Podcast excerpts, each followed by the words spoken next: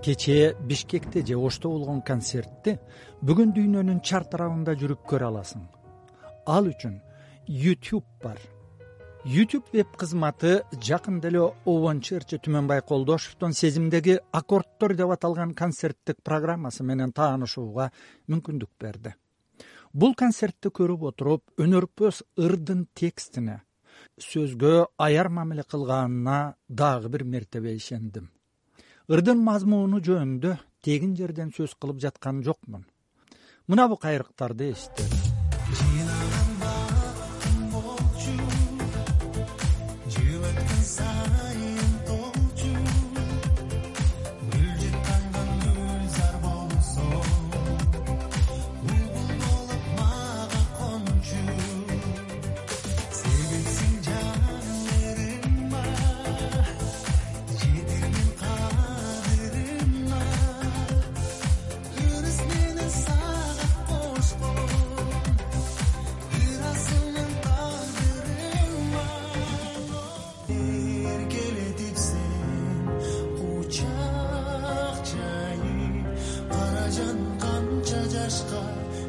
эситтеле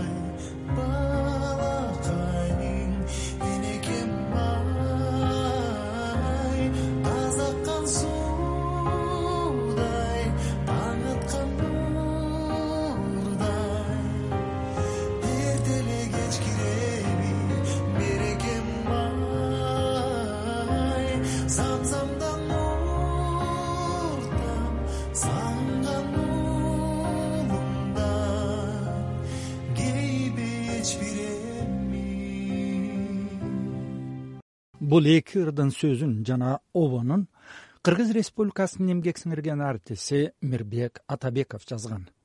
Мындай сүйлөмдөрү кыйыктардан куралган курактай а мазмуну мукам үнүнө музыкасына шайкеш келбеген чыгармалардан көпчүлүк поп музыканттардын репертуары куру эмес.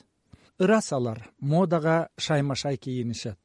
Сахнада өздөрүн суудагы балыктай эркин сезишет. Залды от алдыра алышат. Эми аалым токтомушевдун карарган деңиз агарган толкун деген ырын угалы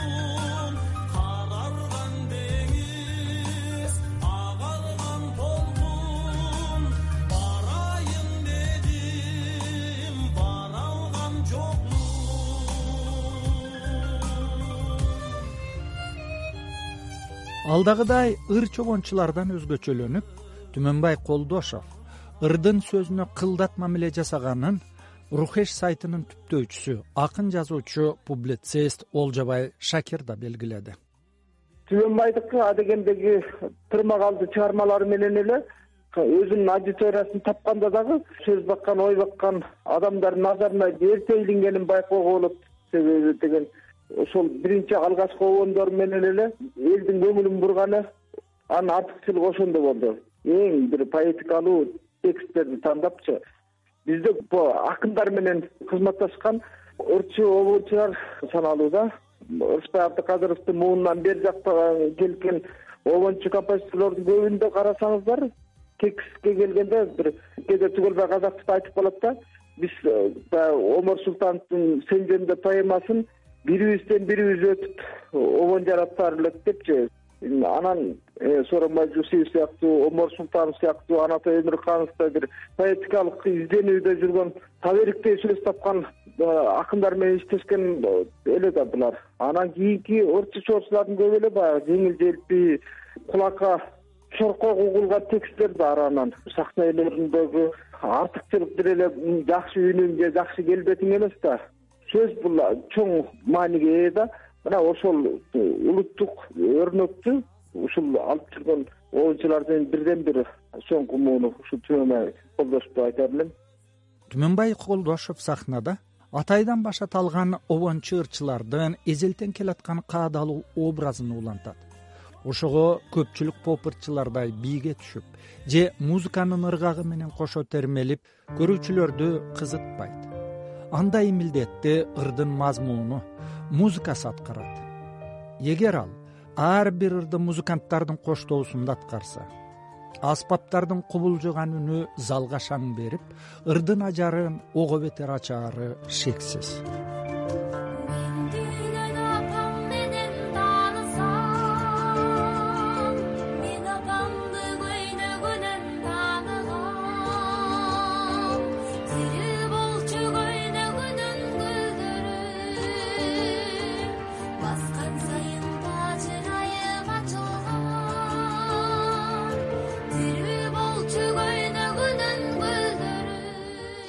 обончу композитор эсенбек маданбеков түмөнбай колдошовду социалдык желенин камышасы самара каримованын аткаруусундагы мен апамды көйнөгүнөн тааныгам деген ыр аркылуу билгенин айтты. Мына ошо түмөнбай колдошов деген баланы таанып өткөн бул жигитти бирок баягы обон аркылуу билем десем болот да мен апамдын көйнөгүнөн тааныдым деген бир жакшы чыгармасы бир обончулардын арасындагы обондордун жакшынакай бир кайрыттуу обондордун бири катары келип кошулуп калды. Эми мындай бир нерсе бул жигит өзү обон жаратканда эң негизгиси ушул текстти көп кубулган көрүнүп турат да ошо жанагы мен апамдын көйнөгүнөн тааныдым деген обондун өзү ушул текст аркылуу чыкканы ачыктан ачык белгилеп атат да ошо э, текст менен э, обон дагы абдан шайкештелип бири бирин турат деп айтсам болот да.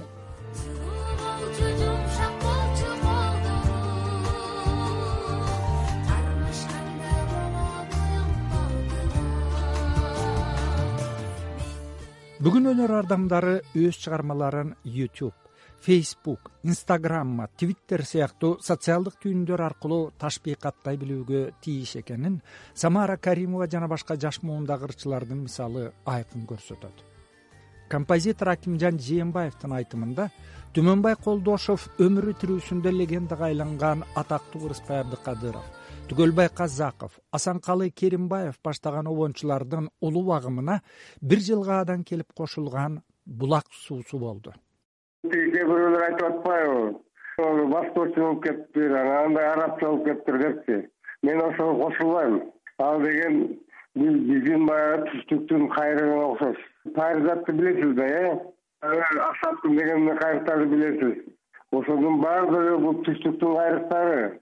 Анан түштүктүн балдары түштүктүн кайрыгына кайрылганда каяка кайрылат?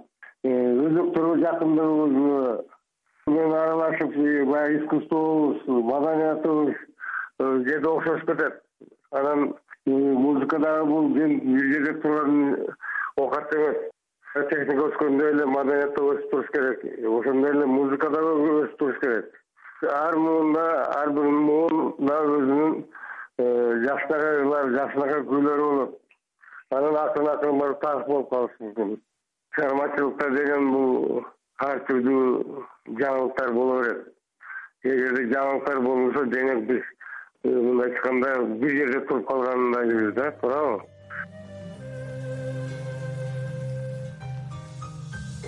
Отурмуш мыйзамына калыктырдың жолуңду жарык кылдың жабык кылдың. Ардада оа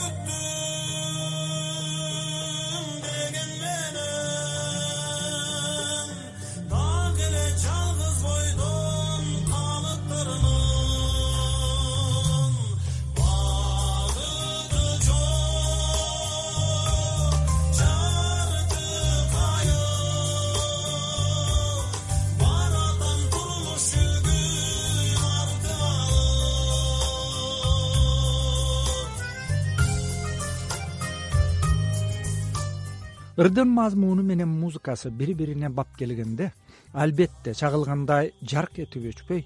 Ырыспай абдыкадыровдун кылымдарды картар издейм сени асанкалы керимбаевдин ак булуттары рахат бейшеналиеванын асманы сыяктуу өмүрлүк чыгармалар жаралаары шексиз. Аталган ырлар жолон мамытов омор султанов жана кыялбек курманбетовдун калеминен жаралган. Албетте ар бир инсандын өзүнүн сүйүктүү тизмеси жакшы көргөн обондору бар. Түмөнбай колдошовдун өзүнө кайрылып ырларга обонду кандай жаратаарын сураганымда мен негизи текст таап ал текст менен жашап аны жаттап ал менин жүрөгүмө сиңип анан ал ырды мен анча мынча сабактарда көркөм окуй баштайм. Ошентип ыр менин кан жаныма сиңгенде ырдын стихиясына түшүнгөнүмдө киргенимде андан ошол тексттен өзү обон издейм да мен. Качан текст мээме сиңгенде кайрык чыгат менден. Ошон үчүн мен дайым текстке көз карандылыгым бар.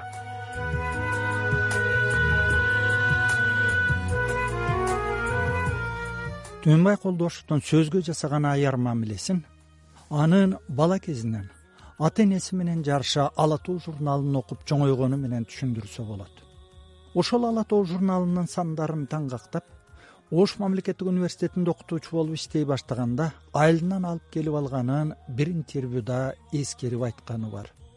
Ала тоо журналы аркылуу адабий табити калыптанган жигит алгачкы обонду орустун улуу акыны александр пушкиндин сизди сүйөм деген лирикалык миниатюрасына чыгарат. Бул мисалга кайрылган себебим улуу жазуучу чыңгыз айтматовдун мындай сөзү бар.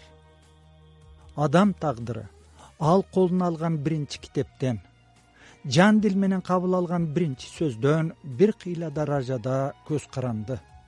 Ошол көз ирмемде менимче эң негизги ачылыш кийин анын босогосунда боло турган башка жашоону сезүү жүрөт. Тандоо көйгөйү адамзат өмүрүнүн драмасынын маңызы. Ал тандоо жасалган учурдан тартып ар бир адамды дайыма коштоп жүрөт